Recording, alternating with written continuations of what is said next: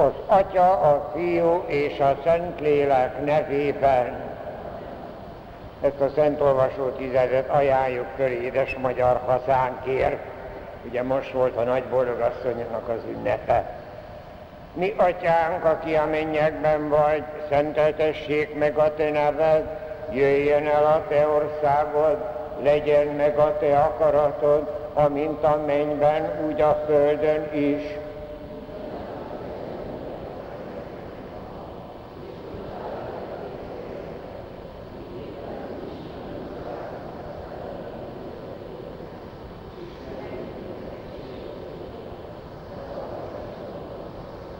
Üdvözlégy Mária, kegyelemmel teljes az Úr van te veled, áldott vagy te az asszonyok között, és áldott a te mélyednek gyümölcse Jézus, aki téged szent a mennyben megkoronázott.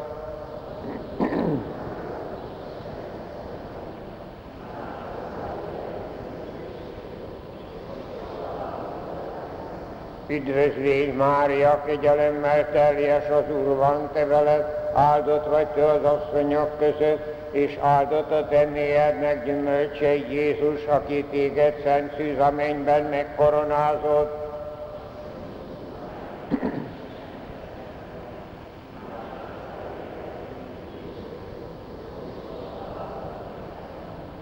Üdvözlégy Mária, kegyelemmel teljes az Úr van te veled, áldott vagy te az asszonyok között, és áldott a te mélyednek gyümölcse Jézus, aki téged szent szűzaményben megkoronázott.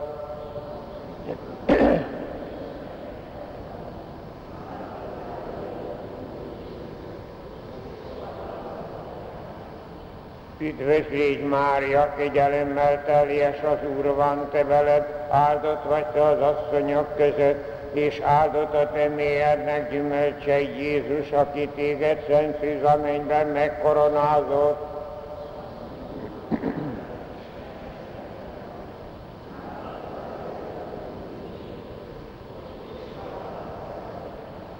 Üdvözlégy Mária, kegyelemmel teljes az Úr van te veled, áldott vagy te az asszonyok között, és áldott a te mélyednek gyümölcse Jézus, aki téged szent szűz a mennyben megkoronázott.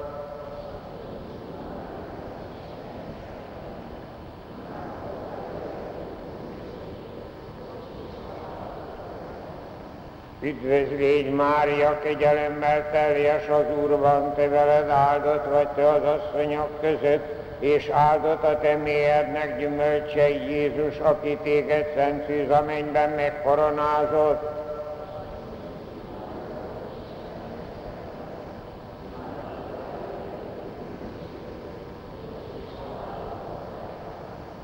Üdvözlégy Mária, kegyelemmel teljes az Úr van, te veled áldott vagy te az asszonyok között, és áldott a te mélyednek gyümölcse Jézus, aki téged szent szűz a mennyben megkoronázott.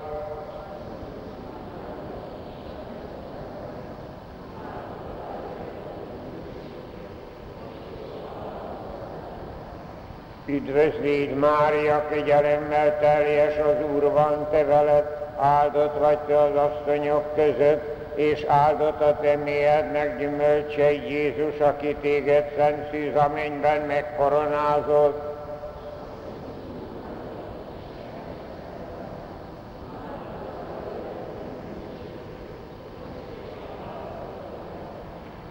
Üdvözlégy Mária, kegyelemmel teljes az Úr van, te veled áldott vagy te az asszonyok között, és áldott a te mélyednek gyümölcse Jézus, aki téged szent mennyben megkoronázott.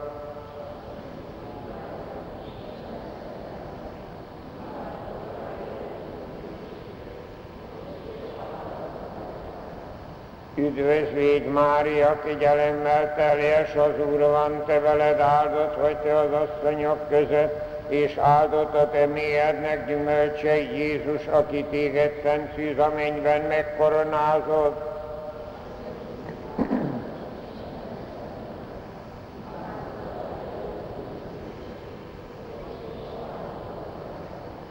Dicsőség az Atyának, a Fiúnak és a Szent Léleknek,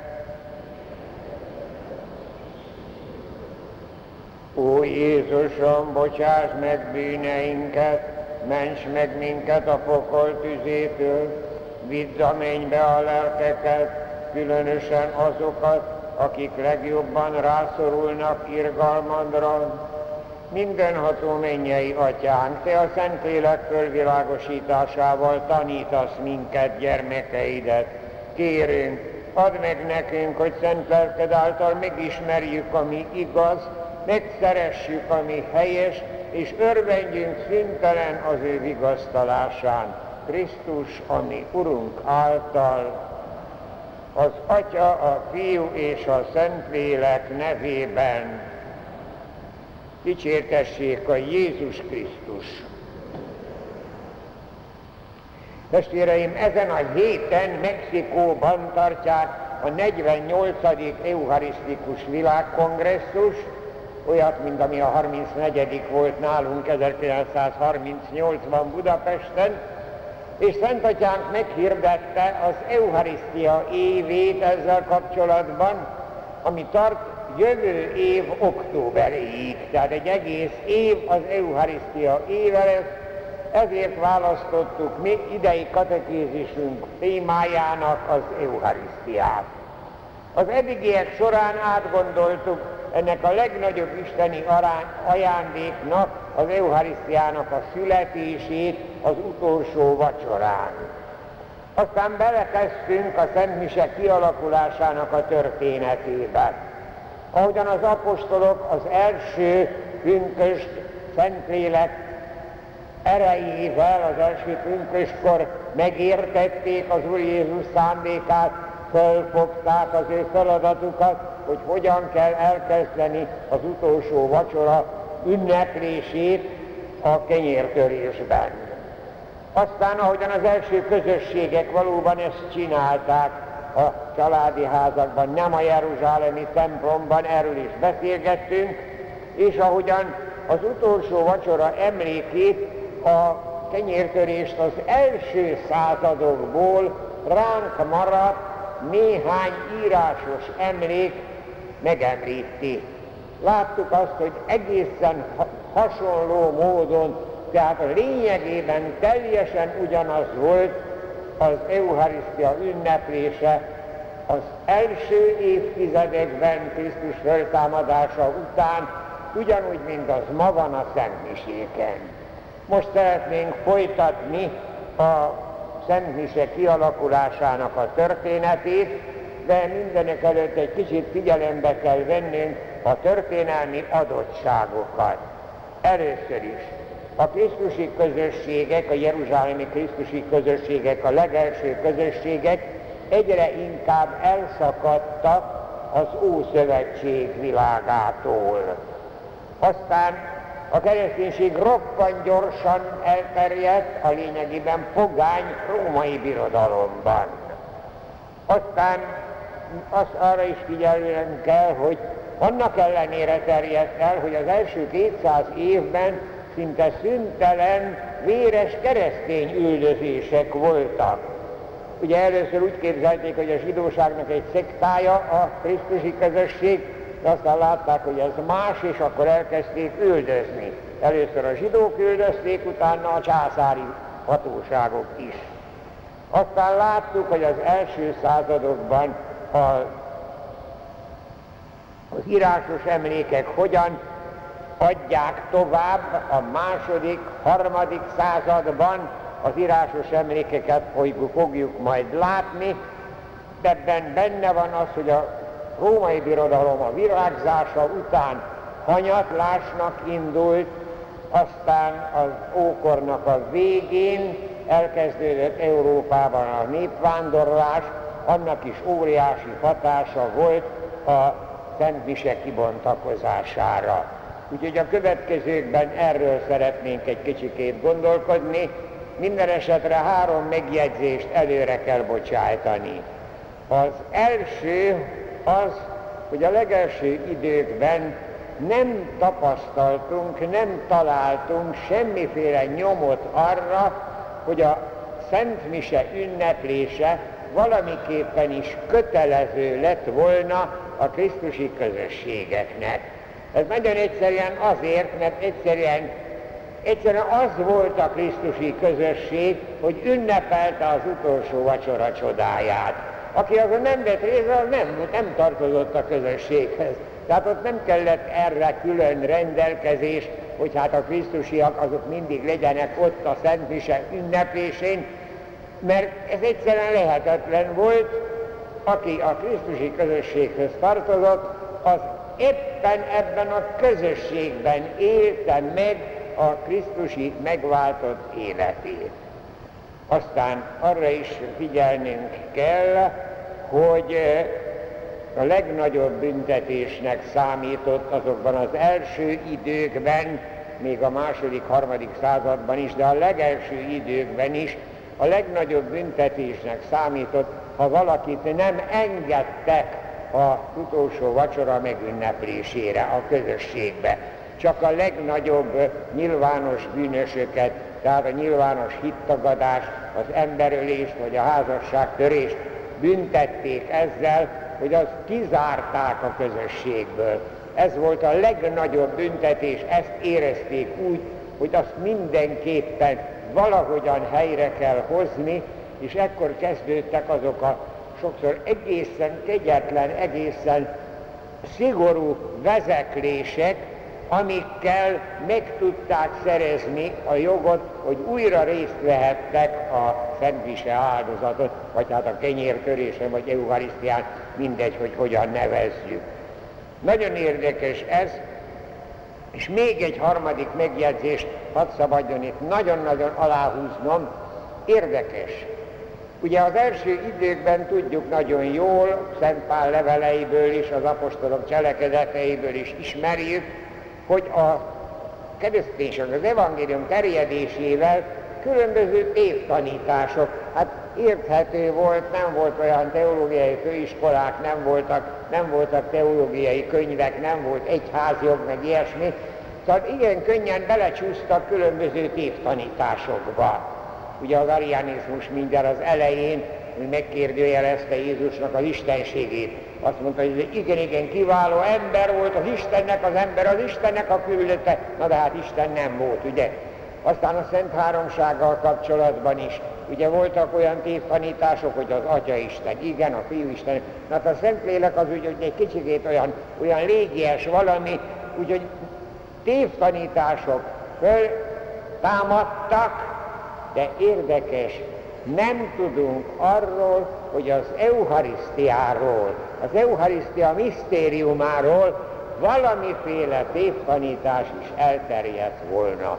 Ez nagyon-nagyon érdekes dolog, pedig hát tudjuk azt nagyon jól, hogy maga az Eucharisztiának a csodája, az emberi észsel föl nem lehet fogni, hogy az a kenyér és a bor megtartja a külső formáját, de ugyanakkor az maga az Úr Jézus szent teste, és maga az Úr Jézus szent vére.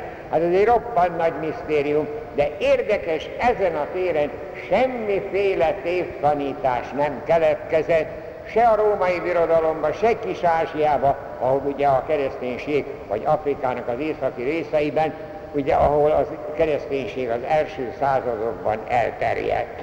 Ennek köszönhető az, hogy az első egyetemes zsinatok egyszerűen nem foglalkoznak ezzel. Ugye az egyetemes zsinatoknak mindig az volt a céljuk, hogy a tévtanításokat valamiképpen helyrehozzák, megszövegezzék a hitigasságoknak a tényleges, valós, lényeges tartalmát. Az Eucharisztiával kapcsolatban ilyesmi nem volt, ezért van az, hogy az apostoli hitvallásban szó sincs róla. A négyszerei konstantinápai hitvallásban, mint a Szent a vasárnapi Szentmiséken szoktunk imádkozni, szó sincs róla. Ez nem, az, nem azért nem, hogy akkor még ez nem volt, hanem nem volt szükséges, hogy ott tisztázzanak valamilyen kérdést, mert egyszerűen az Eucharisztiával kapcsolatban semmi néven nevezendő tévtanítás nem keletkezett, nem tudunk róla. Nincs olyan emlékünk abból az időből, hogy lett volna ilyen területen hát tévtanítás. Na most engedjék meg, persze abból a rengeteg írott emlékből, ami megmaradt a második és a harmadik században is, ugye kicsit megyünk előre a történelemben, hát nem tudom mindegyiket idézni, kiválasztottam hármat. Egy görög szöveget, egy latin szöveget és egy szír szöveget. Ugye az abban az időben azokat is figyelembe kellett venni, káld szövegen, arám szövegen, hát mondjuk arámul nem maradt ránk a szemmisével kapcsolatban semmi sem. Az volt ennek az oka, hogy ugye ha lett volna is, hát először is az írásbeliség elég, hát az írás tudók valamit tudtak, de mondjuk nagyon kevesen voltak, és a papírus volt az egyszerűbb lehetőség, a pergamen az annak idején eléggé drága volt, tehát pergamenre nem tudtak írni, az pedig egy kicsikét jobban megmaradt. A papírus az évszázadok vagy évezredeken keresztül nem tudott éppen maradni. Ezt a hármat minden esetre nagyon érdekes, és észre fogják venni, pontosan a legelsőt, amit mondtam, én máma a Szentmisén azért mondtam a második eucharisztikus imádságot, a legrövidebbet, rá fognak ismerni, hogy könyörgöm az az első század után 15-20-30 évre, tehát tulajdonképpen igazán a legelső időkben keletkezett, mert Szent Hippolytus, római Szent Hippolytus erre utal már, hogy a gyakorlatban így ismerjük az utolsó vacsora ünneplését. Tehát a gyakorlatban, ő csak leírta azt, amit már előtte is gyakorlatban volt. Hallgassák meg ezt a szöveget.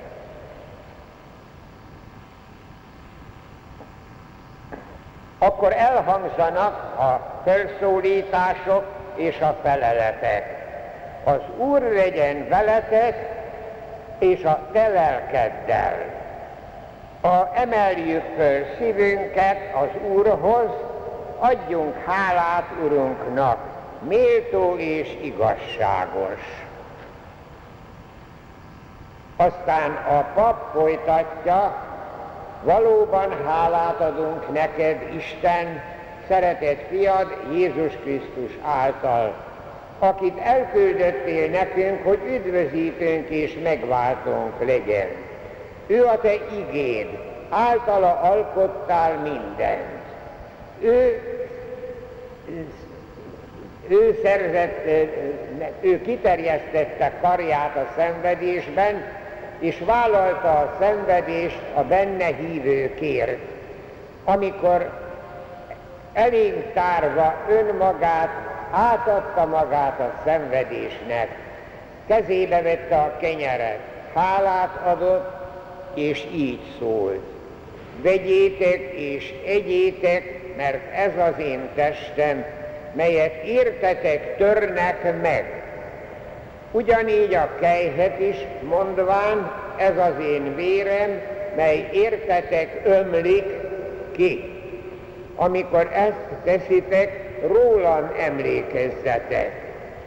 Ezért tehát halálának és föltámadásának emlékét ünnepelve, fölajánljuk neked a kenyeret és a kejhet, hálát adunk, mert arra méltattál minket, hogy színed előtt állhatunk és szolgálhatunk neked. Kérve kérünk, küld el szent lelkedet a Szent Egyház áldozatára, gyűjts egybe mindannyiunkat, add meg, hogy minden hogy minden itt résztvevő elterjék a Szentlélek kegyelmével, és megerősödjék az igaz hitben. Így méltán dicsőítünk és magasztalunk téged Jézus Krisztus által, a te fiad által, ő általa legyen dicsőség és tisztelet neked, mennyei atyánk, Szentlélekkel együtt, mindörökkön örökké, és erre felel mindenki. Amen. Hát azt kell mondani, hogy kísértetiesen hasonlít ugye a második eucharisztikus imádságra, pedig 1850 esztendő van a két szöveg között. Nagyon-nagyon sokat jelent ez, a lényeg teljesen pontosan megvan, tehát valóban azt mondhatjuk, hogy amikor mi a Szent Misét ünnepeljük, akkor mi pontosan ugyanazt tesszük, amit az Úr Jézus mondott az apostoloknak, hogy ezt cselekedjétek az én emlékezetemre. Az eucharisztikus, a második eucharisztikus imádság a mostani gyakorlatban, de jóformán minden megvan. Hát még a római kánon is, ami ezer esztendeig latinul a szentmisének a szövege volt, abban is minden egyes részlet pontosan következik. Hát figyeljük csak meg, ugye kezdődött az a párbeszéd. Ma is ugyanúgy van, az Úr legyen veletek, emeljük föl szívünket, adjunk hálát Urunknak, Istenünknek. Pontosan ezzel a párbeszéddel kezdődik, és utána következik a hálaadás. Mindig, mindig és mindenütt adjunk hálát ezért. Hát ugye a hálaadás említettem, hogy Eucharisztány a, a görögben, és az Eucharisztia szó is, ami már az első század végén ö, egyszerűen gyakoribb volt a kenyértörésnél. A kenyértörésnek volt az, az volt az első neve, az utolsó vacsora ünneplésének, de már az első század végén Eucharisztiának mondták, mert valóban ezzel a nagy hálaadással kezdődik, és már abban benne van, hogy itt egy áldozatbemutatásról van szó, a keresztáldozatra utal, pontosan úgy, ahogy a most a második eucharisztikus imádságban van. Aztán nagyon érdekes, az külön kiemeli, hogy a pap most magába folytatja a hálaadást. És az a rész ténylegesen úgy van, hogy azt a pap magában mondja, és persze fölhangon, fönhangon mondta akkor is, mint most is mondtuk, mert majd ennek aztán lesz később egy érdekes változata, de kétségtelen, hogy az utolsó vacsora alapítási szavai, azok aztán egészen pontosan, hogy ez az én testem, na nagyon érdekes, mert itt így van, amelyet megtörnek, és az az én vérem, amit kiontanak. Hát tulajdonképpen pontosan ugyanaz. Ne felejtsük el, hogy ugye ez eredetiben arámul hangzott el az utolsó vacsorán,